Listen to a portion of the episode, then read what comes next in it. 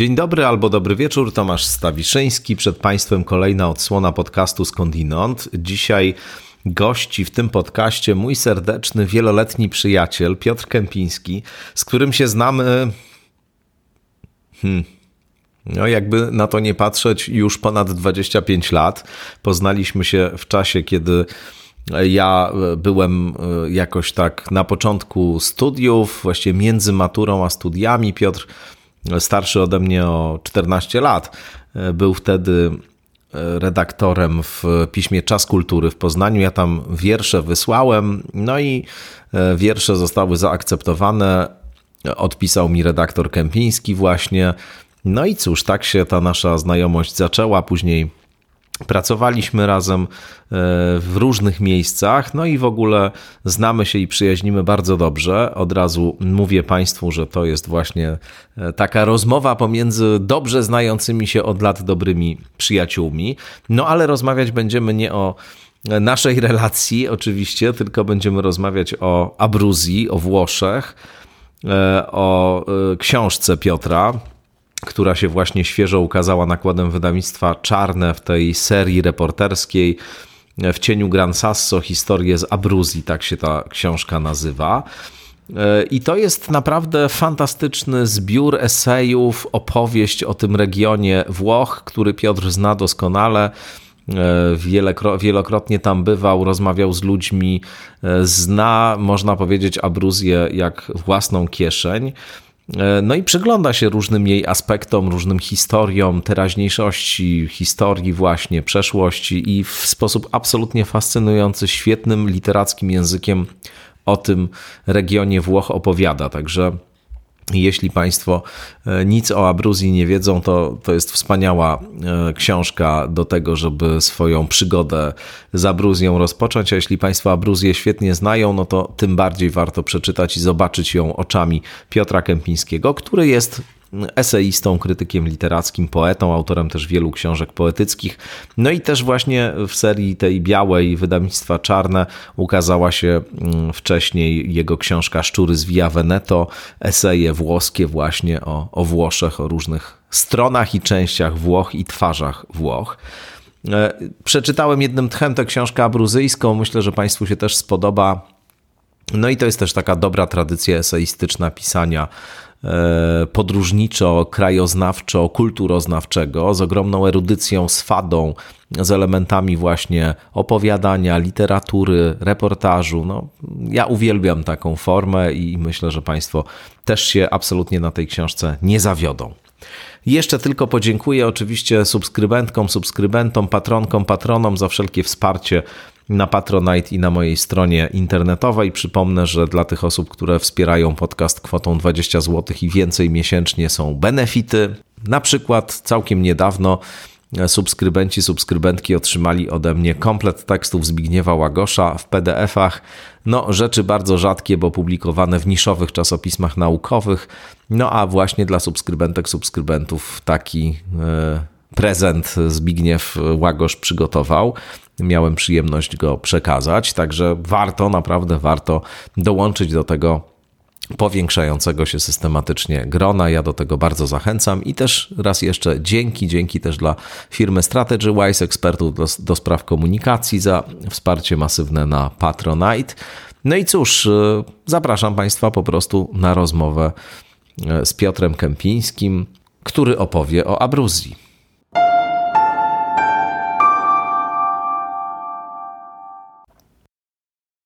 Piotr Kępiński, gości w podcaście Skądinąd. Dzień dobry Piotrze. Dzień dobry. Spotykamy się, właściwie w Skądinąd to po raz pierwszy jesteś. Już żeśmy oczywiście gadali y, wiele razy na różnych antenach i też y, we wstępie tutaj powiedziałem, że znamy się i przyjaźnimy od 25 chyba lat z hakiem. E, no więc przegadaliśmy całkiem sporo godzin, ale w podcaście Skądinąd jesteś po raz pierwszy i bardzo się po pierwsze z tego cieszę. Ja też, ja możemy... też, ale faktycznie po raz pierwszy. Tak, tak, tak, tak, że możemy sobie tutaj e, porozmawiać. No i też się cieszę, bo pretekstem jest świetna twoja nowa książka, która się nazywa W cieniu Gran Sasso, historie z Abruzji. Właśnie się ukazała nakładem wydawnictwa Czarne. To jest już w tej serii białej, reportersko-podróżniczej druga twoja książka, bo wcześniej mieliśmy Szczury z Via Veneto taka rzecz, która też głośna była i sporo się o tej książce pisało. I to jest nowy tom Twoich włoskich esejów, tym razem poświęcony e, jednemu regionowi czy jednej krainie, właśnie Abruzji. E, no to zapytam od e, takiego pytania, zacznę może bardzo zaskakującego. Dlaczego ta Abruzja stała się akurat miejscem, któremu postanowiłeś całą książkę poświęcić? Wcześniejsze twoje włoskie eseje to były eseje o różnych stronach Włoch, a teraz mamy te punktowo Abruzję. Co takiego sprawiło, że akurat Abruzja? Wiesz, bo to Abruzja jest takim regionem Włoch, który znam e, najlepiej i e, ale paradoksalnie o regionach, które znamy najlepiej, nie zawsze chętnie piszemy, albowiem wiemy, że nie wszystko o nich wiemy. Że to jest tak, że jak człowiek zabiera się do pracy e, o, o, i, i chciałby opisać swoje miejsce, do którego jest już trochę przywiązany, z którym jest związany, które jest dla niego ważne rodzinnie, bo to to jest właśnie powód jakby tak, tak y, mój jakby pierwszy, no Abruzję Koneksje rodzinne. swoją e, partnerkę, jak, jak wiesz i, i mamy tam dom, mieszkamy w Rzymie, ale cała rodzina mieszka tam, w związku z tym no często tam jeździmy i poznawałem tę Abruzję w ciągu ostatnich 16 lat dosyć intensywnie. E, ale oczywiście nie od samego początku myślałem, żeby ją opisać. Raczej, raczej, raczej nie. Raczej chowałem to na później. A dlaczego e, tak banalnie mówiąc, skąd ten pomysł jakby i dlaczego akurat ta książka w tym momencie? E, no to historia jest związana z wydawnictwem. Tak naprawdę, bo przygotowywałem się do innej książki po Szczurach z Via Veneto, ale przez przypadek w rozmowie w wydawnictwie wyszło, że może jednak ta abruzja, może jednak ją można ugryźć, bo region trochę położony na uboczu, nieznany. Może, może, by to, może by to czytelników zainteresowało. Mm, podjąłem decyzję dosyć szybko i, e, i, rzeczywiście, i rzeczywiście zacząłem to pisać w ciągu roku. Chyba książka była gotowa. E, ale to są takie rudymenta oczywiście abruzyjskie. A tak? co, co miałeś pisać, powiedz, tak z ciekawości zapytam. O Neapolu. To mhm. będzie ta książka, która ukaże się w przyszłym roku. Zmieniła, się, zmieniła się po prostu kolejność. Jasne. Już ją zacząłem pisać. Twoja włoska trylogia. Można tak powiedzieć. No, na, nawet tetralogia, bo jak pamiętasz, jakby przed tak. Szrami z Via Veneto ukazała się taka mała książka w wydawnictwie Forma, to się nazywało Po Rzymie i to był taki tak. trochę wstęp jakby do tych moich opowieści włoskich. One się pokrywały częściowo ze Szczurami Częściowo się pokrywały, tak, bo nie chciałem, faktycznie nie, niektóre teksty, masz rację, które były w Szczurach z Via Veneto, one były umieszczone w tej wcześniejszej książce, która jakoś tak po prostu przeszła trochę bez echa. Żal mi było tych niektórych tekstów, y, do których byłem przywiązany i, i faktycznie przełożyłem je do, do, do, do tej książki, która ukazała się w Sulinie, w serii Sulina w hmm. wydawnictwie Czarne. Hmm. Czyli e, koneksja rodzinna e, w jakimś sensie cię sprowadziła do Abruzji, a jak ten proces w ogóle oswajania tego miejsca, które właśnie, jak piszesz, nie jest wcale takie proste do oswojenia i nie jest w taki oczywisty sposób atrakcyjne, w, tej, w tym takim rozumieniu atrakcyjności, jakie mamy, nie wiem, e, ze wspomnień z Toskanii na przykład, albo z różnych innych takich krain, gdzie, gdzie się turystycznie y, wyjeżdża. Abruzja nie jest takim regionem w oczywisty sposób, w, w takim sensie atrakcyjnym, ma swoje różne inne atrakcyjności, o których tutaj dużo jest, ale jak ten proces w ogóle wrastania w tę w te, w te, w te e, krainę, oswajania jej u ciebie, u ciebie wyglądał? I to też e, e, no, mam wrażenie, że wiele lat y, zajęło ci przygotowywanie się do tej książki, bo ja pamiętam, że już od dawna mówiłeś o tym, że chciałbyś o tej Abruzji coś napisać, ale ostatecznie po wielu, wielu latach dopiero jakoś y, książka się pojawiła. No tak, bo to, to, to rzeczywiście, tak jak, tak jak powiedziałem wcześniej, no temat e, temat i łatwy, i trudny, a, a ludzie też nieoczywiści i Twardzi. I twardzi, i trochę zamknięci, nieoczywiści, pragmatyczni, ale oksymoroniczni jednocześnie. Zamknięci, tak, na pewno tak. No jakby to, to to, to, to na pewno wszystko jakby składało się na to, że ten proces jakby myślenia na, na, na początku jakby o tej książce, przemyśliwania, co mogłoby w niej być, no on trochę, trochę trwał. A ponadto to też było trochę związane z tym, że byłem zajęty innymi rzeczami i tak jak powiedziałem wcześniej, rzeczywiście jakby uchwycenie tej abruzji no nie było z początku e, dla mnie, e, dla mnie łatwe, również dlatego, że jest to, jak sam powiedziałeś, region, region, e, region nie tak ikoniczny, nie tak jakby łatwy do uchwycenia, jak chociażby Toskania, Sycylia, y, y, Lombardia, Latium, gdzie każdy z tych regionów ma, ma swoje takie jakby no ikony, które po prostu no jak, jak, jak myślimy o Latium, myślimy o Rzymie, jak myślimy o Toskanii, to, to, to właśnie cały wachlarz się otwiera e, całe spektrum, jakby e, cała biblioteka wyskakuje, mm -hmm. bo to jedna, prawda? Tak, więc jakby no tutaj tak naprawdę E, I, i, i, I, to jest jeszcze trudniejsze, powiedziałbym, tak? I to jest jeszcze trudniejsze, dlatego w ogóle z tymi Włochami e, i opisywaniem jakby e, jeszcze, jeszcze przed abruzją miałem, miałem dosyć, dosyć duży problem. Faktycznie jak, jak, jak do tego regionu, jak do tych regionów podejść, jak do tej tradycji podejść, z której strony to opisać, jakie drzwi otworzyć. Koniec końców okazało się, że najlepsze są pomysły proste w tym sensie, że -hmm. niekoniecznie trzeba, trzeba patrzeć e, w niebo i na zabytki, a wystarczy czasami spojrzeć pod nogi i zobaczyć, co znajduje się zupełnie jakby w zasięgu dłoni, w zasięgu ręki i być może to też, opisanie tego może być również interesujące. E, z Abruzją oczywiście pomysł był inny, tak? bo Abruzja jest mniej znana, mniej ikoniczna, e, nawet dla samych Włochów to nie jest region zupełnie oczywisty.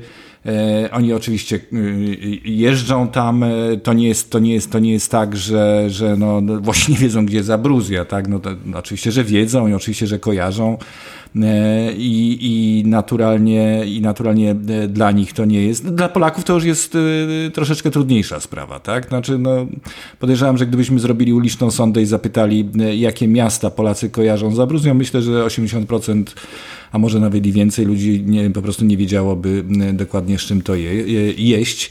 No, e, no i to dlatego też nie było, to, to dlatego to też nie było łatwe. E, jeżeli chodzi o ludzi, no to jak już powiedzieliśmy, dosyć, dosyć zamknięci, nieoczywiści. E, tyle tylko, tyle tylko, że faktycznie jak się nad nimi trochę popracuje, oni się otwierają. Mm. Jeżeli faktycznie ma się kogoś, kto wprowadzi ciebie w ten świat, jest jeszcze łatwiej. Jeżeli znajdzie się w tym świecie coś, co ciebie interesuje, a ich się je zainteresuje, to otwierają się kolejne drzwi. No i tak rok po roku, krok po kroku mm, ta praca, wy... znaczy nawet nie nazywałbym to pracą, bo to była po prostu chęć poznawania jakby tej rzeczywistości, którą, którą poznać y, chciałem i chciałem też zrozumieć. Tak? To, to, to, to... Na samym początku oczywiście no, dużym, dużym problemem był sam język, tak, bo to jest, y, oni, oni y, rzecz, rzeczywiście no, posługują się bardzo często dialektem, który jest po prostu absolutnie niezrozumiały, nawet dla ludzi, którzy znają y, włoski. To nie jest proste. Więc to, to, to, kłopotów było wiele. Koniec końców ja doszedłem do jakiegoś takiego momentu, w którym poczułem się troszeczkę pewnie i, i zaryzykowałem tą pierwszą książkę o Abruzji, ponieważ mam pomysł na kolejną, ale to... No opowiadasz o, o wielu różnych e, aspektach Abruzji i sięgasz do historii piszesz o ludziach właśnie choćby z tego swojego bliskiego, rodzinnego kręgu. E, i e, postacie dla Abruzji charakterystyczne i ważne e, pojawiają się w tej książce. Na przykład Rocco Siffredi też się pojawia jako... Znany skądinąd Pola... A właśnie, Siffrediego by niektórzy kojarzyli, prawda? Z Netflixa, bo były, są chyba dwa Tak, do, ale dokumenty. słuchaj, myślę, myślę, bo ty piszesz tutaj w książce, że to postać w Polsce mało znana. Myślę, że nie doceniasz tutaj polskich, polskiej publiczności. No myślę, nie, że wszyscy wiedzą, kto to jest Rocco Naprawdę? Siffredi. No jasne. Dobra, ja nie wiedziałem, myślałem, że to takie zaskoczenie, ale czy wszyscy wiedzą, że jest Abruzyjczykiem? A nie, to ja no powiem szczerze, pierwszy raz w ogóle widzisz, się no zetknąłem z tą informacją. Krwi tak. kości. Podobno przyrodzenie długości 24 cm. No, y, mnie tutaj rozśmieszyło bardzo to, że y, piszesz, że ludzie, nawet ci tacy bardzo wykształceni na wysokim, nazwijmy to, kulturowym poziomie, jeśli się ich zapyta o najbardziej znane postacie z regionu e, Abruzji, od razu na pierwszym miejscu wymieniają Rocco Siffrediego. Zawsze to ciekawe. To mogłoby tak być. Ja, to, to oczywiście pół żartem, pół seria, ale, ale tak, no tak, tak, tak. No bo to, to, jest też e, facet, który bardzo tak sympatycznie się prezentuje. To nie jest jakiś taki, no to, to nie jest jakaś taka pornogwiazda, która mówi półsłówkami i, i, i jest głupia jak bud. No, Rocco Siffredi jest biznesmenem. On potrafi się bardzo ładnie wysławiać. Znaczy ma przemyślenia na przeróżne tematy, nie tylko polityczne, ale też i filozoficzne. Interesuje się religią. W ciągu bardzo wierzący w ogóle. Ostatnio, jest bardzo wierzący, tak, tak, tak. Bo zapomniałem taką... powiedzieć, że on jest po prostu no, bardzo takim konserwatywnym katolikiem. No. Jakkolwiek to brzmi, prawda? To... Ostatnio, ostatnio widziałem jakąś taką rozmowę z nim, gdzie wzruszał się bardzo, płakał, mówił o swojej miłości do Jezusa. Absolutnie, tak, e, tak. I deklarował, że już więcej filmów sam nagrywać nie będzie, to znaczy nie będzie w nich występować, będzie owszem stał za kamerą, no bo to jest jego praca, niemniej jednak e, kończy z tym i e, opowiadał w ogóle o bardzo poważnie E, wiem, że to był głośny wywiad bardzo we Włoszech tak. o swoim uzależnieniu od seksu i Absolutnie o tym, że w ogóle tak, strasznie tak, ma z tym tak, problem tak, i tak dalej. No więc to też w ogóle jakaś wielowymiarowa e, figura no taka jest bardzo... to wielowymiarowa figura, jak powiedziałeś. Tak. Rzeczywiście, oczywiście e, Rocco zapomniał dodać ile ma lat udzielając tego wywiadu, więc no to też jakby pewnie miało wpływ na jego decyzje związane z tym, że będzie raczej stał za kamerą, a nie przed kamerą. Niemniej jednak w paru wywiadach również w tym, o którym wspominasz, ten, który odbił się szerokim echem e, we Włoszech, on mówił o swoim nawróceniu, a raczej powrocie tak naprawdę, tak, do, tak, bo on pochodzi tak, z rodziny tak. bardzo katolickiej w ogóle. No ale no jak, jak, jak rzucił się w wir e, pornowyczynów, jakby również w Ameryce, no bo to jest facet, który ma na koncie podobno jakieś tam takie no bardzo znaczące laury, e, jeżeli chodzi o kinematografię pornograficzną. No, na pewno. No, podobno są jakieś takie no, kategorie, no, w których on, on, on przodował, prawda? Tak, więc to. No, w jego rodzinnej miejscowości, w Ortonie, bardzo ładnej zresztą, e, no tak e, żartowali mieszkańcy, że trzeba byłoby postawić pomnik. No koniec końców oczywiście, jak się domyślasz, nie powstał. Z tymi pomnikami to jest w ogóle we Włoszech bardzo ciekawa sprawa, bo oni raczej nie stawiają pomników y, postaciom żyjącym, żyjącym. Natomiast no, tam był tak, y, były takie artykuły y, i pisarzy, felietonistów, którzy mówili, że może lepiej tego pomnika nie stawiać, bo to będzie tylko duża praca dla, dla tych ludzi, którzy zajmują się czyszczeniem mm -hmm. i tak dalej, no bo to mm, z tym wielkim przyrodzeniem to nie wiadomo było jak to zrobić, czy, że, że za duże, że trochę nieproporcjonalne, że gołębie by zrobiły swoje i że no i w końcu, w końcu ten pomysł jakby, który no był żartem tak naprawdę, jakby na poziomie żartu też upadł. Tak, to, to rzeczywiście jest jeden z zabawniejszych momentów e, w tej e, twojej książce, kiedy, kiedy nagle się okazuje, że ta postać jest jakoś emblematyczna dla, dla Abruzji. E, wiesz, cały czas, no bo tu moglibyśmy tak naprawdę o każdym eseju sobie osobno porozmawiać, bo, bo każdy z nich jakoś, wiesz, zasługuje na, na osobną rozmowę. Mnie się, powiem szczerze, w ogóle fantastycznie tę książkę e, czytało i ona jest tak e, wartko napisana i, i tak jakiś znalazłem tutaj doskonałą, znalazłem tutaj taką doskonałą równowagę pomiędzy powiedziałbym, funkcją edukacyjną, bo tutaj się naprawdę można mnóstwo dowiedzieć o historii Włoch, o historii tego regionu, ale nie tylko w ogóle o historii włoskiej, nie wiem, kultury, literatury i tak dalej. Bardzo dużo tutaj jest tych e, odniesień, bardzo to jest erudycyjne. Z drugiej strony to jest naprawdę taka wartka opowieść e, przeplatana takimi reporterskimi scenami. Myślę, myślę, że już jakoś wypracowałeś sobie taki bardzo swoisty, osobisty styl e, pisania tych swoich e, podróżniczo-reportersko krajoznawczych książek. No właśnie, bo to faktycznie, bo to ani nie... Dziękuję. To bardzo szczerze mówię. Tak, że... Znaczy to na pewno nie są, jak, jak sam wiesz, reportaże w postaci czystej. Tak, tak. Nie są to eseje, rzeczywiście rzeczywiście, mm, e, rzeczywiście jest to jakiś taki międzygatunek. Y, w literaturze zawsze interesowała mnie sylwa tak naprawdę, coś co jakby no nie, nie, nie, nie jest y, tylko i wyłącznie związane z, jakim, z, z jakimś jednym gatunkiem, tylko kluczy i, i jakby zawłaszcza różne, różne formy, więc rzeczywiście i tutaj jest, są i formy reportażowe, y, są, są elementy eseju, są elementy nawet recenzyjny, tak, bo przecież piszę o paru książkach, które dla mnie były istotne. E, I ja to na własny użytek nazywam szkicami, tak naprawdę, do jakiejś, do jakiejś formy, -hmm. której może się kiedyś dopracuję, ale rzeczywiście to jest to, co mi odpowiada jakby w tym pisaniu o, o Italii, gdzie, gdzie, gdzie, gdzie nie muszę się ograniczać tak naprawdę jakąś jedną, jakąś jedną formą, tylko trochę, trochę lawiruję pomiędzy róż, róż, różnymi tak naprawdę gatunkami, szukając dla siebie jakiegoś jakiegoś zdania, jakiegoś, jakiejś formy. A być może całe to, a być może to wszystko polega na tym, że tej formy nigdy nie znajdę, a to co jest, to będzie właśnie tą formą, którą sobie, którą sobie wypracowałem, prawda? Więc to też jest. E, więc może to jest też jakaś metoda, tak? -hmm.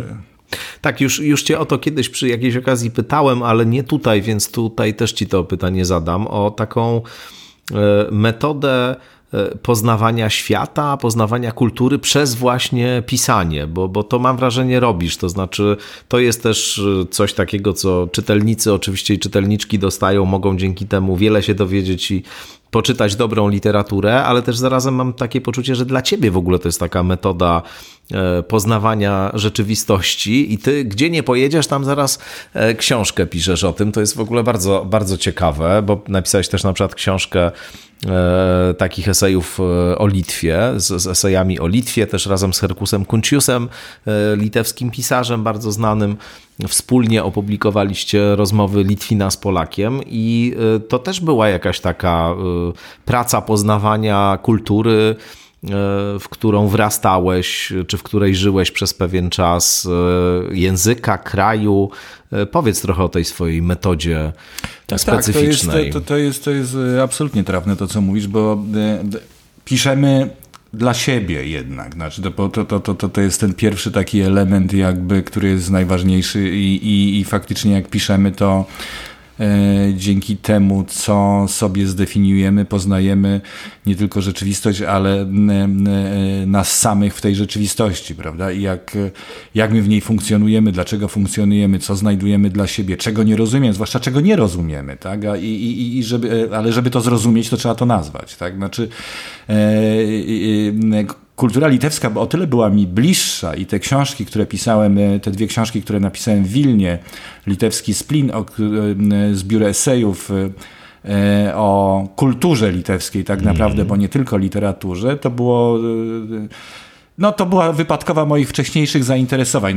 Natomiast już książka, którą napisałem z Herkusem, Rozmowa Litwina z Polakiem, to już była próba rzeczywiście ogarnięcia jakby E, tej współczesności litewskiej, e, także politycznej, której nie, nie, nie, którą nie do końca asymilowałem, a dzięki rozmowom z nim które e, te rozmowy zostały spisane, lepiej faktycznie zacząłem mm. to ogarniać, lepiej zacząłem rozumieć jakby tą drugą stronę, która jest tak blisko, że aż jest niewiarygodne, że do końca siebie nie, nie, nie rozumiemy, prawda? Więc, więc, więc z Litwą było tak. Jeżeli chodzi o Włochy, to było jeszcze inaczej, dlatego że ja nie jestem ani italianistą, ani nie jestem e, e, znawcą literatury włoskiej. Ja, to, ja na te sprawy patrzę zupełnie inaczej, aniżeli akademicy, aniżeli ludzie, którzy nauczyli się języka włoskiego w wieku, nie wiem, 15, 18, 20 lat. Wchodzi, zacząłem wchodzić w tę kulturę bardzo późno. Zupełnie inaczej ją ogarniam. Tak naprawdę patrzę...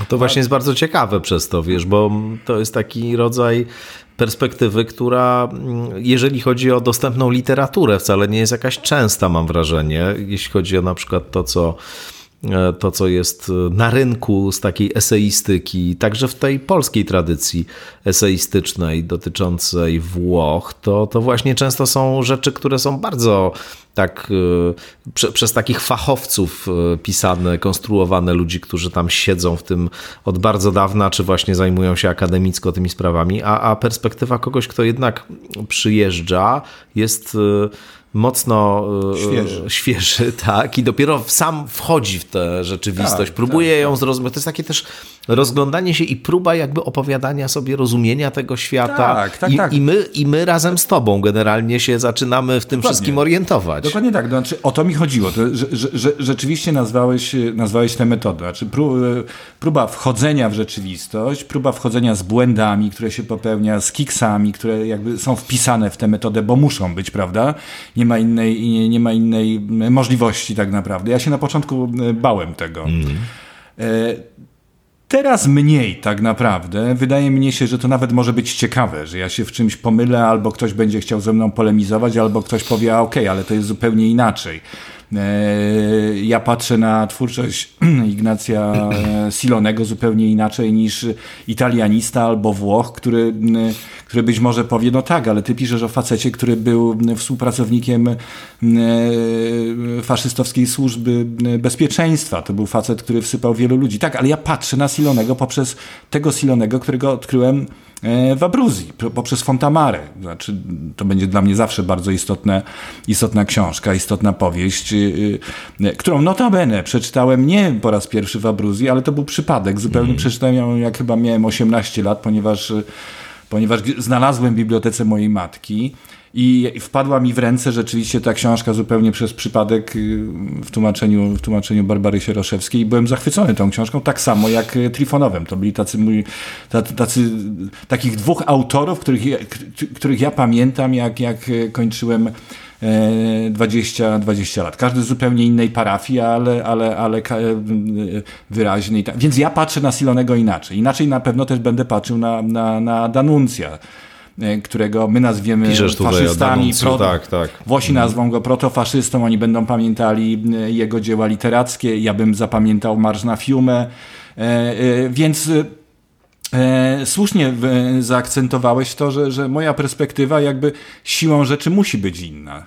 E, A czy ona będzie ciekawa, czy ona jest ciekawa, czy ona może być pociągająca, e, ale może być zawsze polemiczna, prawda? Może być, mo, mo, mo, może być taką postawą, która no, trochę jakby e, rozdzieli ten świat e, znawców, erudytów e, kultury włoskiej. E, Moim jakby zdaniem, moją obserwacją barbarzyńcy, który wchodzi tam sobie i sobie lekceważy reguły i, i, i, i opisuje sobie Rzym zupełnie inaczej niż do, opisany do tej pory, aczkolwiek no to, to, to, nasza, nasza pamięć literacka też jest krótka, bo jakbyśmy sobie przypomnieli inne dzieła, ja teraz już mówię, o, ja teraz mówię nie o Abruzji, tylko o Szczurach z Via Tak, Veneto. tak, tak. Tak gdybyśmy sobie przypomnieli dzieła XIX-wiecznych autorów, to one też nie były takie zupełnie oczywiste i tali przychylne, jak się zwykło sądzić, więc to, to, to, to też różnie bywa, to też różnie bywa. Tak, ale to mimo wszystko wydaje mi się właśnie bardzo duża zaleta tej książki, ten rodzaj takiego świeżego spojrzenia i, i możliwości orientowania się razem z autorem e, w tym, w tym, e, w tym świecie, który, który jest e, opisywany. No, jest e, taka e, jakość w tym abruzyjskim doświadczeniu dosyć specyficzna, piszesz o niej e, tutaj sporo. E, Siłą rzeczy trudno by było od tego abstrahować, ale ona chyba jakąś e, szczególną aurę wytwarza w tym regionie i jakoś szczególnie go naznacza, czyli e, ta e, groźba trzęsienia ziemi. E, Tych trzęsień ziemi było sporo. Niektóre z tych najbardziej e, dramatycznych katastrof no, miały jakieś po prostu monstrualne rozmiary. Opisujesz te takie najbardziej drastyczne, no ale to całkiem niedawno nawet mieliśmy przecież taką, takie wielkie trzęsienie ziemi kilkanaście lat temu. E, W L'Aquili. Tak L'Aquili, jest, tak. e, tak jest I, i tutaj to rzeczywiście było przerażające. E, Opowiedz trochę o tym życiu w cieniu tych płyt tektonicznych, No które tak, się tak, tam tak, zderzają gdzieś pod To jest- spodem. To jest temat rzeczywiście, który istnieje y, na co dzień, tak? Znaczy no, no, o, o trzęsieniu ziemi się nie zapomina siłą rzeczy, no bo to trzęsienie ziemi występuje tak naprawdę raz na jakiś czas i, i to się czuje, tak? Znaczy nawet jeżeli ono nie jest y, groźne, nawet jeżeli to, to, to są lekkie wstrząsy, to, to, to ziemię się czuje po prostu. Znaczy to, ta, ziemia, ta ziemia tam jest no, nie, niespecjalnie łatwa. Tak? Raz, że jest górzysta, skalista, jakby no, nieprzyjazna, z jednej strony przepiękna, ale jednocześnie no, po prostu groźna. Tak? Znaczy można z niej spaść, albo ona może ciebie wtrącić do piekła. W tym sensie jakby no, no trzęsienia tak, no to tam jest bardzo żywa pamięć największej tragedii, która była w 1915 roku tak. w Marsyce. Tam kilkadziesiąt tysięcy ludzi zginęło. 30 tysięcy no. ludzi po prostu tam zginęło w ciągu no, dokładnie paru, paru, paru, parunastu minut. Tam po prostu no, e, Avezzano, wielkie, no wielkie, no, duże miasto, zostało mm. absolutnie starte z powierzchni ziemi. Dla, dla, dlatego Avezzano dzisiaj no, nie jest jakimś miastem e, turystycznym. Wszystko zostało tam, ka prawie każdy dom został odbudowany. Oprócz tego no, wszystkie okoliczne miasta, miasteczka zostały z, zrównane z ziemią. Do dzisiaj nawet, e, wspominam o tym w książce, są takie miejscowości, gdzie jeszcze te ruiny sprzed ponad 100 lat można, można zobaczyć. Ta, taka była skala tego trzęsienia ziemi, że tam po prostu niektóre miasta, no, miasteczka raczej, no miasta nie, ale miasteczka czy wsie zostały kompletnie zburzone i tam już ludzie na przykład e, w ogóle nie wracali. Więc no, to jest życie rzeczywiście w ciągłym zagrożeniu, w ciągłym niebezpieczeństwie. Jak się buduje dom, no to ci ludzie, którzy są rozsądni, ich jest niemało w Abruzji, powiedzmy, jednak stosują zabezpieczenia antysejsmiczne, jednak, jednak wzmacniają te domy. E, w innych regionach dzieje się różnie, tak? Znaczy, no, jak, to w, jak to w każdym kraju, tak? Znaczy, no, no budowanie... To są takie pręty, które to są tam takie... się instaluje w środku, tak? Tak, tak, bo y, y, to jest bardzo charakterystyczne. Jak zobaczysz y, abruzyjskie kamienice, te szeregowe i zobaczysz takie metalowe, stalowe rozety, z reguły namalowane na czarno, to oznacza, że ten, ten dom jest mm. wzmocniony i, i powiedzmy sobie szczerze, no w miarę, w miarę bezpieczny, ponieważ ten drąg jakby utrzymuje, utrzymuje e, ściany jakby, tak? Znaczy to, jeżeli nastąpi, jeżeli nastąpi wstrząs, no to jest duża szansa, że dzięki jakby temu wzmocnieniu te ściany się nie zawalą, a w związku z tym nie runie dach.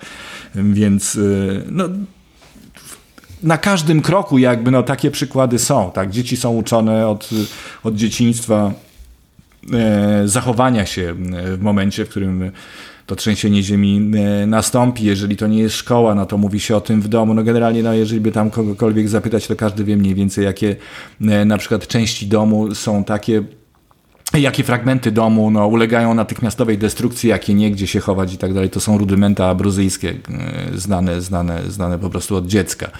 Więc no, życie w no, no i to życie w zagrożeniu, no to, to jest coś, co to, to no to konstytuuje trochę ten region, tak? Mhm. No, czy to, y, y, tak jak mówię, no, y, w tej części Włoch no, nic nie było, nic nie było tak do końca łatwe. Abruzja miała, a Abruzja miała no, no pecha. Raz, że położona trochę na uboczu. Dwa, że no, region, no, jeżeli chodzi o bogactwa naturalne, bardzo ubogi. Góry, trzęsienia ziemi. No po prostu no, zrządzenie jakieś, tak, no po prostu, ale, ale dają radę, tak, jednocześnie, jedno, jednocześnie to wykształciło w nich jakąś, w nich jakiś taki charakter, który rzeczywiście, no można, mo, można wyabstrahować i można go opisać, bo, bo, bo to jest coś takiego, że oni się łatwo nie poddają, no to, to, to ten twardy naród. A powiedz, y, jak wygląda kwestia y, diagnostyki sejsmicznej, tak to nazwijmy. To znaczy, rozumiem, że to jest wszystko cały czas monitorowane, że tak. są ostrzeżenia ewentualne. No, czasami to nie działa, tak jak przy okazji tego trzęsienia w Lakili, gdzie chyba chodziło o jakieś zaniedbania, z tego co pamiętam, że gdzieś ktoś czegoś tam nie dopatrzył i te, te ostrzeżenia się nie pojawiły na czas.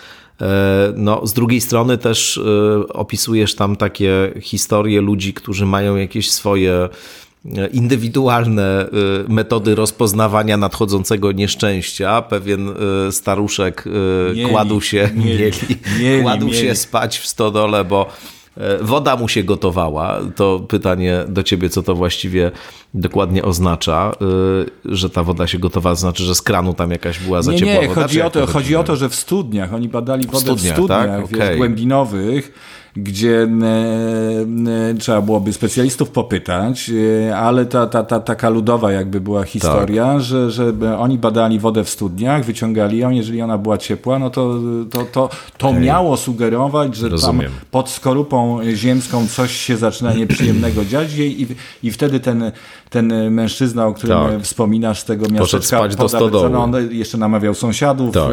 poszedł do stodoły, no, no, no faktycznie trzęsienie ziemi się wydarzyło. Jeżeli chodzi o trzęsienie ziemi w L'Aquili, rzeczywiście to było tak, że to było trzęsienie ziemi, które było poprzedzone wstrząsami, e, które nastąpiły na dwa, na trzy miesiące mm. przed tym wielkim, e, e, nazwijmy to, przed tą wielką jakby no, erupcją wewnętrzną, która spowodowała jakby no, zagładę de facto tego, tego, tego miasta. Naukowcy ostrzegali, że raczej trzeba się przygotować na to.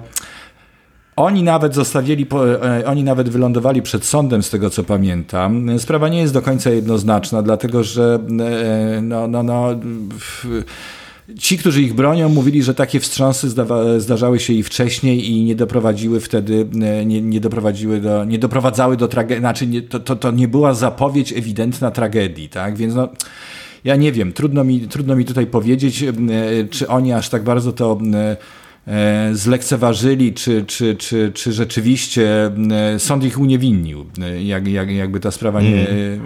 nie poszła dalej. Czyli nie jest tak, że tam, nie wiem, kogoś skazano, udowodniono nie, nie, naduż, nie. jakieś niedopatrzenia nie, nie, i tak dlatego, dalej. że monitoring mm. akurat, jeżeli chodzi o trzęsienia ziemi, w, w całych Włoszech on jest na dosyć dobrym poziomie, musiałbym powiedzieć. Oni mają świetne laboratoria, a jeżeli chodzi o system ostrzeżeń, no to on, on działa dosyć sprawnie jednak, tak mi się wydaje, tak bym powiedział. No są, jest taka specjalna strona, na której można obserwować y, każde najmniejsze wstrząsy między 1 a 2 a 3 Richtera i, i, i y, są aplikacje, gdzie można to w zasadzie na bieżąco monitorować.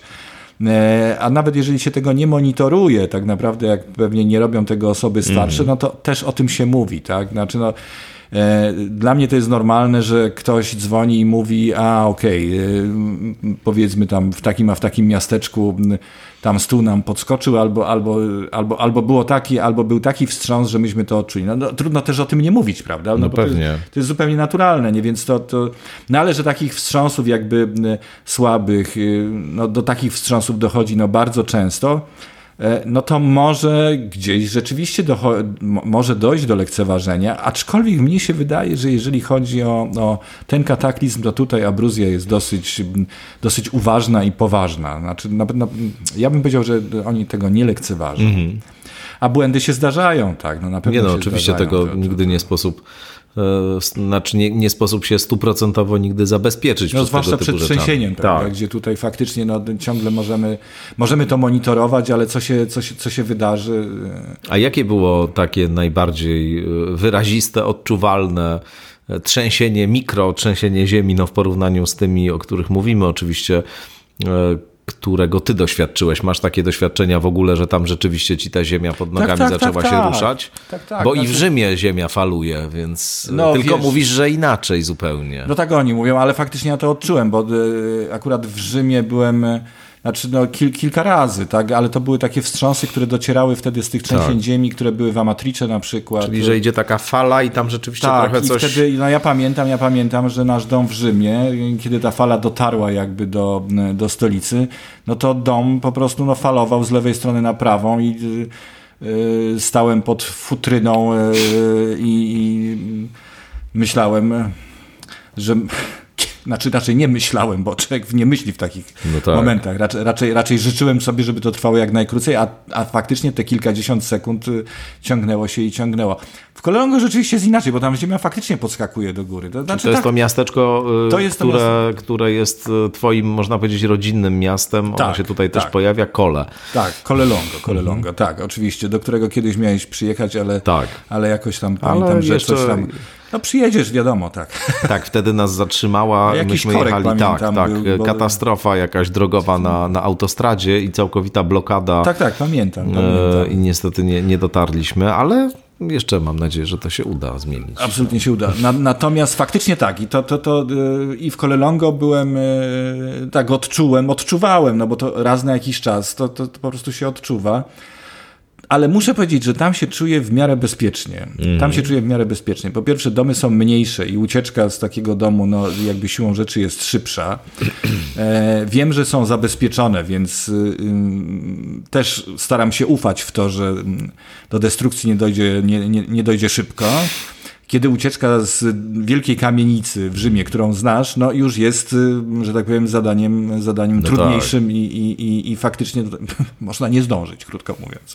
Ale czy były na przykład Kolelongo jakieś takie bardzo masywne trzęsienia ziemi kiedyś? Y, takie, które rzeczywiście spowodowały jakieś takie realne spustoszenia? No y, to właśnie w tym roku 1915, tak. kiedy, kiedy to było to największe trzęsienie w Avezzano, no oczywiście dotarło do Kolelongo, który ma trochę szczęścia takiego topograficznego, bo położony jest na nie w dolinie, tylko na zboczu góry.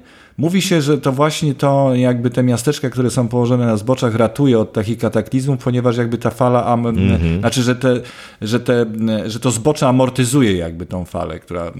Ale wtedy, ale wtedy faktycznie 6-7 budynków w Kolelongo zostało zniszczonych, parę osób zginęło, do dzisiaj toczą się dyskusje, ile osób to było. E, różne są, różne są dane. Mówi się o czterech, o pięciu, o sześciu osobach, ale, ale to jest tak, że pamięta się do dzisiaj. Faktycznie te domy zostały zburzone. Od tego momentu wiele domów ma właśnie te zabezpieczenia e, e, antysejsmiczne i, i na to się zwraca uwagę, ale żeby to było takie trzęsienie ziemi, powiedzmy, że nie wiem, jest zburzone całe miasto, miasteczko raczej, przepraszam, no to nie, to czegoś takiego nie było. Aha. To czegoś takiego nie było. Tutaj akurat Kolongo miało, miało dużo szczęścia. No tak, to mo można się czuć trochę bezpiecznie rzeczywiście. No właśnie. Tak. ale ten, ten to, to, czy, czy tam, bo ja się cały czas nad tym zastanawiałem też czytając twoją książkę, książkę. Trudno jest mi oczywiście sobie wyobrazić w ogóle takie życie w cieniu tego trzęsienia ziemi, czy w takim poczuciu, że to się może wydarzyć. Czy tam jest taki rodzaj jakiegoś stałego poczucia, nie wiem, zagrożenia, takiej, nad, takiej gotowości? Czy to jest raczej tak, że ludzie generalnie o tym za bardzo nie myślą, no są nie, te nie, myślą, myślą. i tak dalej? Myślą. Nie, nie, ja bym powiedział, że myślą. Znaczy rzeczywiście myślą, no też trzeba powiedzieć to wprost, no boją się, bo było, mm -hmm. mnie wtedy nie było w Colorado, ale e, pamiętam, to było kilka lat temu, rzeczywiście doszło do takiego, jakiejś takiej podziemnej erupcji, wybuchu, nie wiem jak to nazwać, no nazwijmy to no, takiego bardzo gwałtownego, krótkotrwałego trzęsienia, gdzie faktycznie domy się zatrzęsły, to, to relacje były takie, jakby wybuchła pod ziemią butla z gazem i tam wszystkie domy nagle podskoczyły. E, ludzie zaczęli się pakować i uciekać po prostu. No, spali. E, wtedy oni z reguły opuszczają domy, wsiadają w samochody, wyjeżdżają poza miasto i śpią w samochodach. Albo jadą do rodzin, do Rzymu, albo, albo wyjeżdżają. No to, to, to tak, tak, tak. Znaczy, no, e, z tym, że no, powiedzmy sobie szczerze, to jest taka mikroskala. Byłem ostatnio w Neapolu e, i, i, i sobie uświadomiłem, że tam, że tam dopiero ludzie mieszkają pod wielkim wulkanem i tam dopiero. No e, tak. Jeżeli tam zdarzyłaby się taka tragedia, no to tam e, ginie pra prawdopodobnie milion ludzi, bo mieszkańcy Neapolu i okolic w przeciwieństwie do Abruzyjczyków domy raczej wokół Wezuwiusza e, postawili nielegalnie, tam nie ma żadnych zabezpieczeń. Jeżeli Wezuwiusz eksploduje, to tam wszystko po prostu. A to zawsze połączone jest ze tak. wstrząsami, prawda? Więc to. to... Więc ta, tam naprawdę ludzie mogą żyć w cieniu tragedii. No w, Kole, w Abruzji, w Kolongo można powiedzieć, że to jest taka mikroskala, jakby tak. No to, to, to zawsze jest oczywiście, powiedziałbym, mm, no niemiłe, tak? No mm. nie jest to, nie jest to e, nie jest to taka pełnia dolce vita, o jakiej jakby no my myśląc o Italii y, y, widzimy, tak? Znaczy widzimy, mamy przed oczyma. Tutaj jest jedna grysa, a, a Bruzja ma rysy po prostu i to, i to, i to jest fascynujące również, tak? Jakie jeszcze rysy? No wiesz, no to jest y, też historia, która jest dosyć trudna, tak? To jest, to jest bieda, z którą się zmagali, to jest emigracja, E, więcej Abruzyjczyków, prawie dwa razy więcej żyje tak naprawdę za granicami jakby regionu, aniżeli w samym e, regionie. Mówię za granicami regionu, bo dawniej emigracja e, z Abruzji nawet do Lombardii czy Piemontu była emigracją, tak? Więc mm -hmm. cała masa Abruzyjczyków mieszka na północy Włoch ale Szwajcaria, Niemcy, Kanada, Ameryka, Australia chociażby, no to były ich kierunki i tam są duże społeczności, tylko i wyłącznie abruzyjskie. Są całe miasteczka, mm. miasta, gdzie, gdzie, gdzie mieszkają tylko i wyłącznie ludzie, którzy stamtąd wyjechali. Tak, bardzo ciekawe. A jakie są powody główne tej emigracji? No to była, wiesz, no powody były głównie ekonomiczne, tak? To znaczy, no to, to, to, to, by, to był region, który po prostu no, przez dekady, przez wieki no, no, nie rozwijał się specjalnie. Znaczy w związku z tym, że rzeczywiście ziemia była trudna, tak naprawdę no, przez wieki, no, tam jedynym nazwijmy to e, w dużym cudzysłowie i metaforycznie przemysłem, to, to była hodowla owiec, produkcja serów E, również wina i, różnych innych rzeczy, no ale no, siłą rzeczy nie mogło to być na, na, na, na wielką skalę, więc e, komunikacyjnie też to był trudny region. Tak naprawdę autostrady powstały tam e, pod koniec lat 50., w zasadzie to są lata 60., kiedy powstały. Tak naprawdę wtedy jakby no, Abruzja zyskała połączenia z, z resztą jakby Włoch, tak? To, to Trzeba dodać, że faktycznie jak już wybudowali te autostrady, to wybudowali je świetnie i to są jedne z ładniejszych tak naprawdę e, tras, jakie ja widziałem we Włoszech. Mm. Świetnie utrzymane. No to są takie tra trasy, powiedziałbym, widokowe, tak? Znaczy wielość tuneli, estakat, y, przepięknie ty mm. jedzie się to. Super. Jak powiedziałeś o winach i serze, to może pomówmy trochę o kuchni abruzyjskiej, bo to jest w ogóle e, cała potężna część włoskiej kultury, jedzenie. I w ogóle jedzenie to kultura i poznawanie kultur przez jedzenie jest e, fascynujące. E, jest trochę o kuchni abruzyjskiej też w Twojej książce, ale zanim o kuchni powiemy i daniach, to pomówmy trochę o winach z Abruzji.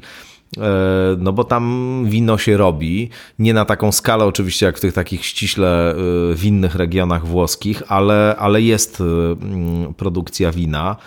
No najbardziej chyba takie popularne i znane jest Trebbiano z Abruzji. Przynajmniej ja piłem bardzo dużo tego abruzyjskiego tak, tak, Trebbiano. I Montepulciano. Są I Montepulciano, dwa, dwa, tak. Dwa szczepy, tak. które no rzeczywiście, faktycznie one, one, nawet w nazwie mają Montepulciano tak. d'Abruzzo i Trebbiano d'Abruzzo. I Trebbiano d'Abruzzo. Słusznie. Ale powiedz, e, jak to, powiedz w ogóle o tym abruzyjskim winie, o tym, co to jest za e, specyficzna dusza tego abruzyjskiego wina i, i jakie tam jeszcze e, wino dobre piłeś i co byś rekomendował przede wszystkim? E, wiesz, to, to jest tak, że Abruzja, jak, jak, już mówiliśmy wcześniej, no nie, jest, nie, nie, nie jest homogeniczna, jest, jest, jest złożonym jakby regionem składającym się z różnych subregionów w tej części górzystej, wiadomo, e, wina się nie produkuje.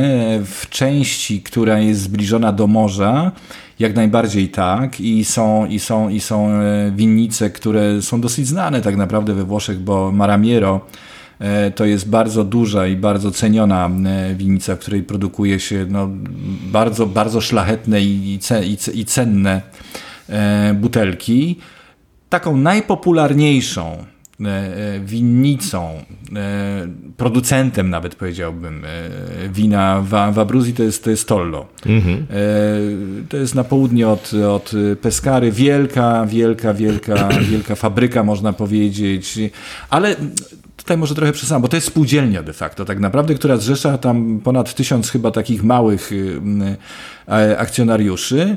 Oni produkują bardzo przyzwoite wina, które byśmy nazwali przemysłowymi, ale, ale to, to, to, to jest wina na, na, na dobrym poziomie. Zauważyłem, że nawet w Warszawie można je kupić już teraz w niektórych sklepach. I oni produkują na przykład bardzo dobre pecorino. Pecorino to też jest taki tak. szczep, który jest dosyć popularny e, w Abruzji. Toczą się spory, czy on jest faktycznie z Abruzji, czy on może jest e, z regionów sąsiednich. Abruzyjczycy twierdzą, że to jest ich.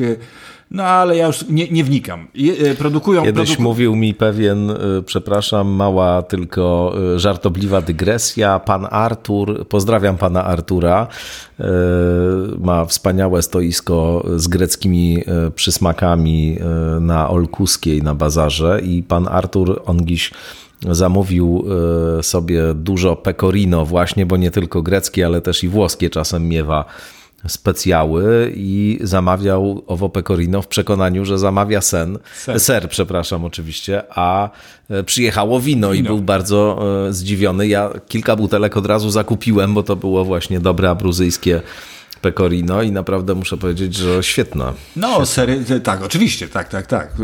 Mo, można, mo, można pić pecorino i jeść pecorino, tak. jak dobrze wiemy. Jedno i drugie, jak jest dobrze zrobione, to jest wyborne. E, więc, ja, więc ja nie unikam e, Cantiny Tollo, uważam, że mają bardzo dobre butelki, Maramiero, z bardzo dobrymi winami. Znaczy, jeżeli byś mnie zapytał na przykład, jakie wino, wino, wino białe lubię najbardziej, a bruzyjskie, to bym powiedział, że lubię najbardziej pecorino produkowane, mm. produkowane w różnych winicach bardzo małych, na przykład, które są w okolicach Peskary, w tamtej, w tamtej części. Arcarano na przykład. E, to jest taka miejscowość e, mała, w której jest, jest bardzo znana właśnie z takich e, małych producentów. Mm. Bo w Abruzji, w Abruzji, jeżeli chodzi o jedzenie i o picie wina, to nie ma aż, powiedziałbym, takiego ciśnienia jak w innych regionach Włoch. Oni nie mają super znanych tak naprawdę kantin. Jest jeszcze jedna miejscowość, e, prze, przepraszam, która też jest bardzo znana e, z win, to jest Controguerra. Tam się produkuje takie ich ikoniczne wino Illuminati. E, jedno nomen, z lepszych. Nomen. Nomen omen, znakomite, znakomite, znakomite wino. Faktycznie to jest taka trochę ich, ich, ich trochę ich ikoniczne wino. Na, na, na, natomiast tam nie ma takiego rzeczywiście ciśnienia. Raczej, raczej wino jest do wypicia, a jedzenie jest do zjedzenia, powiedziałbym.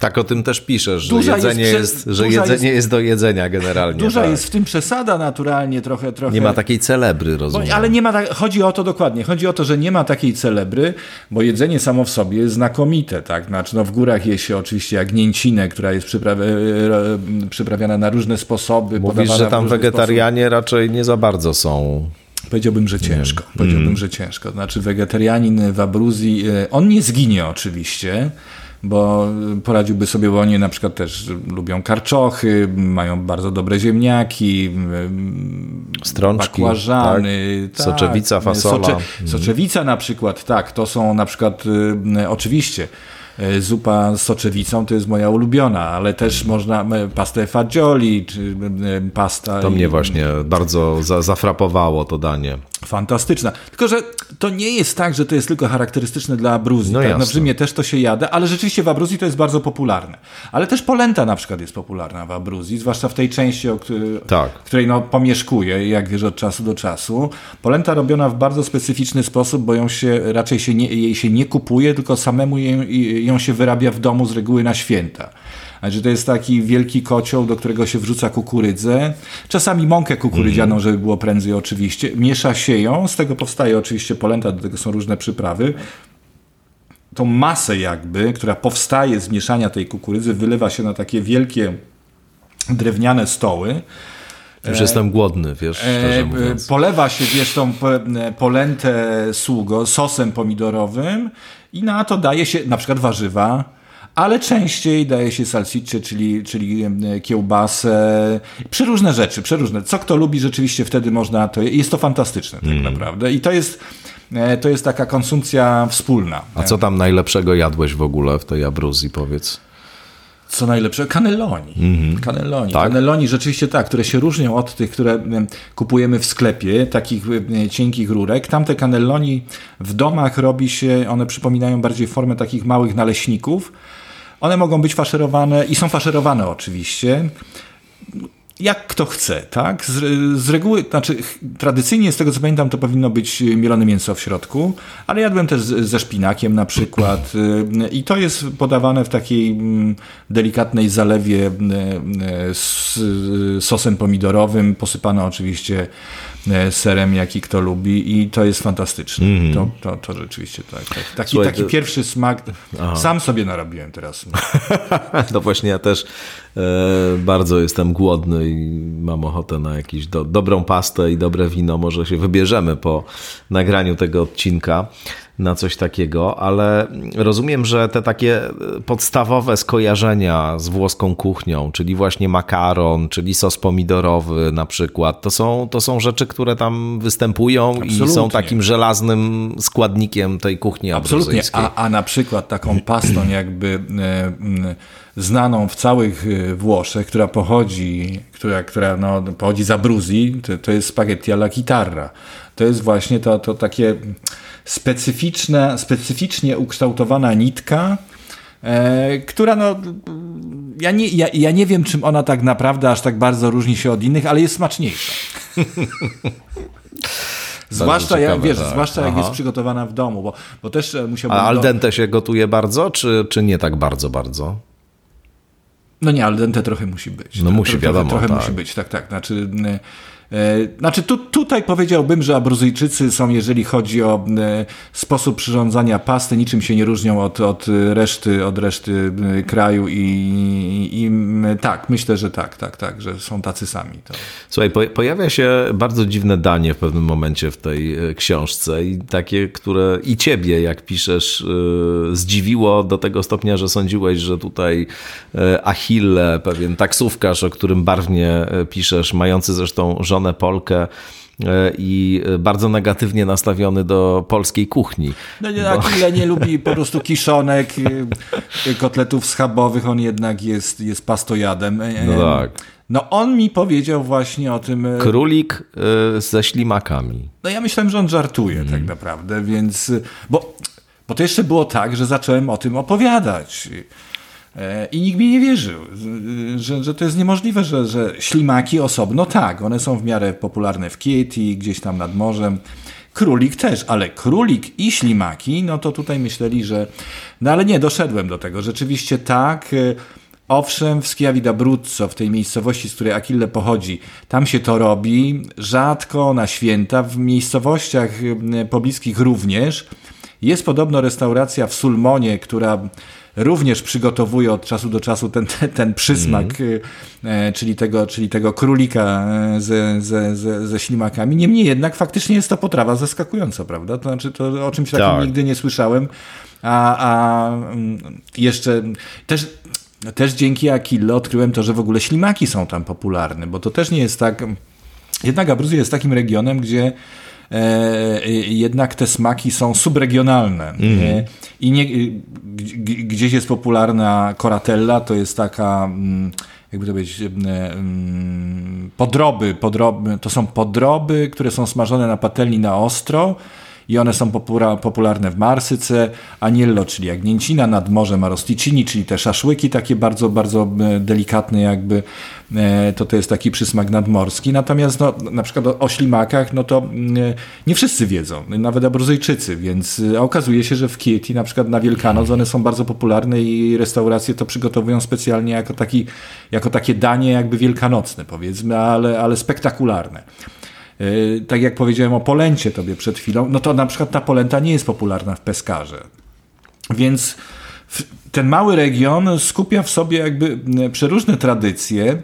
W związku z tym, że jakby ta komunikacja powiedzmy jeszcze 100-200 lat temu ona była trudna, no to oni pozostali przy swoich takich małych e, subtradycjach, które nie przeniknęły gdzieś indziej i do dzisiaj to funkcjonuje. I bardzo to pielęgnują. I bardzo tak? to pielęgnują, tak, tak. E, słuchaj, e, jest taki wątek, który też mnie jakoś ciekawi. On e, jakoś tutaj jest wspomniany, ale chciałbym Cię trochę też o to popytać. Jak pandemia wyglądała w Abruzji? Piszesz o tutaj momentami, że gdzieś tam właśnie w pandemii byłeś, jechałeś i tak dalej. A jak, jak Abruzja przez tę pandemię przeszła i jakie są Twoje wspomnienia z tego pandemicznego czasu? Jeździłeś tam? E, często, czy, czy byłeś jakoś tak raz, dwa razy tylko? I, I, jak to wyglądało wtedy? No więc właśnie, jak była pandemia, to, to ja byłem zamknięty w mieszkaniu w Rzymie. I w tej w Szczurach z I w ogóle nie tak, pisałeś o tym. I pisałem właśnie o tym, że. W ogóle no, nie wolno było wychodzić. Ciężko, było, tak. ciężko było się poruszać. Właśnie no, każde wyjście, nawet wyrzucenie śmieci, no, było jakimś wydarzeniem. Wszyscy lubili wyrzucać wtedy śmieci. Było... Ale żeby wyjść, wyrzucić no śmieci, tak. to trzeba było mieć ze sobą specjalne zaświadczenie, które albo samemu się pisało, jak, jak, Pamiętam, jak nie było drukarki w domu, prawda? A za, a za brak takiego zaświadczenia moja sąsiadka, pamiętam to jak dzisiaj, bo wysiadała z samochodu, był ni niestety policjant był na, na, naszej ulicy i on po prostu no, myślał, że dostanie to zaświadczenie od ręki od niej, ona nie, nie miała i pamiętam, że biedna musiała zapłacić chyba 200 euro kary właśnie za taki świstek papieru, na który... No więc, e, no więc jakby poruszanie się wtedy jakby po, nawet po Rzymie było, było trochę kłopotem. Natomiast no byłem raz rzeczywiście e, i, e, i jeżeli pytasz o pandemię, jak to, a jak Abruzja to przeżyła, no to mnie się wydaje, że mniej więcej tak samo jak tutaj, bo Włosi okazali się na takie stereotypy są o, Włochach, tak, które pokutują w Polsce, jak to stereotypy e, sprawne, one mają zazwyczaj niewiele tak. E, wspólnego, że mamy do czynienia z narodem rozwichrzonym, anarchicznym, e, ale tutaj anarchizm włoski to nie ma zastosowania. Włosi są pozytywnymi takimi E, powiedziałbym, e, mm, optymistycznymi anarchistami, tylko w przypadku polityki, powiedziałbym, bo to, to, to jest. Natomiast jeżeli chodzi o takie zachowania, które można by nazwać prospołecznymi, to oni są bardzo zdyscyplinowani. Znaczy w pandemii oni okazali się po prostu być mistrzami. Jeżeli były, jeżeli, jeżeli były jakieś zalecenia, obostrzenia, E, to ja na przykład w Rzymie w tramwaju nie widziałem osoby, która by wsiadła bez maseczki, ewentualnie, no, no zdarzały się no jak, jak, jak wszędzie jakieś tam małe kiksy, ale mnie się wydaje, że oni by są narodem e, w obliczu zagrożenia bardzo karnym i bardzo rozsądnym po prostu, pragmatycznym, krótko mm. mówiąc. E, a dlaczego? Mnie się wydaje dlatego, że są socjalizowani lepiej niż Polacy. Ja bym Polaków właśnie nazwał anarchistami społecznymi, E, natomiast Włosi nie. Włosi, Włosi wydaje mi się, że są współodpowiedzialni po prostu za wspólnotę i, e, i tak też działało na przykład to w Cololongo, gdzie jeżeli faktycznie burmistrzyni powiedziała, że trzeba siedzieć w domu, bo, bo tutaj tak na przykład ktoś zachorował i, i tak dalej, i tak dalej, no to oni siedzieli w domu. Je, je, jeżeli powiedziała, że nie będzie w tym roku fiesty z, letniej, tak, San Rocco, no to oni tego nie robili na przykład. I, I tych zachorowań było bardzo mało tam tak naprawdę. Oni przeszli... Mm, Wszystkie te fale, tak? I fazy suchą nogą pandemii prawie były... Przeszli. Prawie tak. suchą nogą przeszli, tam zachorowań było stosunkowo mało. No oczywiście zdarzały się historie, że młodzi ludzie szli na dyskotekę, a potem wracali stadnie zarażeni i, i no zarażali tak. swoich Wszystkich dziadków. dookoła, tak? I zarażali wszystkich dookoła. No ale no to, to, to trudno, żeby to się nie przydarzyło, Oczywiście. Prawda? Niemniej jednak, jakby no tak jak widziałem, e, to, to, to, to, to raczej działało.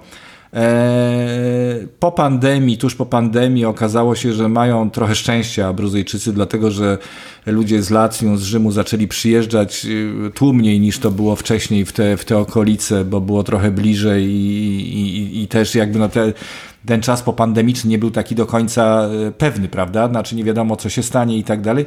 Więc Abruzja trochę na tym zyskała, bo rzeczywiście y, turyści zaczęli po prostu przyjeżdżać w góry w góry, w których prawie nie, nie, nie, ma nikogo, są puste, tak, no i to też było, to też była jakby, i oni trochę to zaczęli wykorzystywać turystycznie, jeżeli chodzi o te regiony, które gra, graniczą jakby, tak, to y, Rzymianie zwłaszcza zaczęli mhm. przyjeżdżać. W lecie, bo w zimie, bo w zimie od, to, od, od wielu lat to jest bardzo, to, to są bardzo popularne, popularne tereny narciarskie tam w, w, w Abruzji. To jeszcze na koniec zupełny Cię zapytam o tą kolejną książkę o Abruzji. Czy możesz coś jeszcze powiedzieć? Bo tutaj tyle napisałeś o tym regionie, że zastanawiam się, jaki teraz będziesz miał na to pomysł. I już go masz właściwie, więc Wiesz, no, powiesz no, kilka słów o tej nowej książce. Wiesz to, bo teraz to, to, to, jest tak, teraz pracuję nad inną książką. No ja wiem, o Neapolu. I teraz pracuję nad książką o Neapolu. E, Abruzję kolejną mam w głowie i rzeczywiście chciałbym, e, chciałbym poszerzyć niektóre eseje, które są, na przykład esej o Teramo, gdzie jak pamiętasz, pojechałem do tego miasteczka zobaczyć obraz, e, nie, obrazy tak naprawdę polskiego malarza, który mieszkał w tej Abruzji, a miałem podwójnego pecha, bo pojechałem raz, pojechałem drugi raz i ta zakrystia, w której są te słynne obrazy, nieznane w Polsce i we Włoszech też, powiedzmy sobie szczerze, no była zamknięta. Więc na, na pewno chciałbym kontynuować niektóre teksty. Mm. Na pewno chciałbym też, na pewno chciałbym też poszerzyć jakby e, pole e, abruzyjskie, czy, czy, czy, czyli objąć takie, takie regiony i tereny E, w których, które oczywiście jakoś tam znam, ale, ale mm, które nie zmieściły mi się jakby w tej, w tej wersji książki.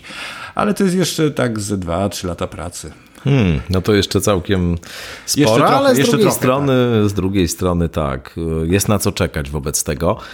Piotrze, bardzo Ci serdecznie dziękuję za to spotkanie ja i też oczywiście polecam Państwu e, książkę W cieniu Gran Sasso, Historię z Abruzji. To jest książka, która się ukazała na dniach e, nakładem wydawnictwa Czarne w tej białej, takiej reportersko-podróżniczej serii. Może jeszcze przeczytam, co tutaj Francesco Cataluccio na temat tej książki napisał.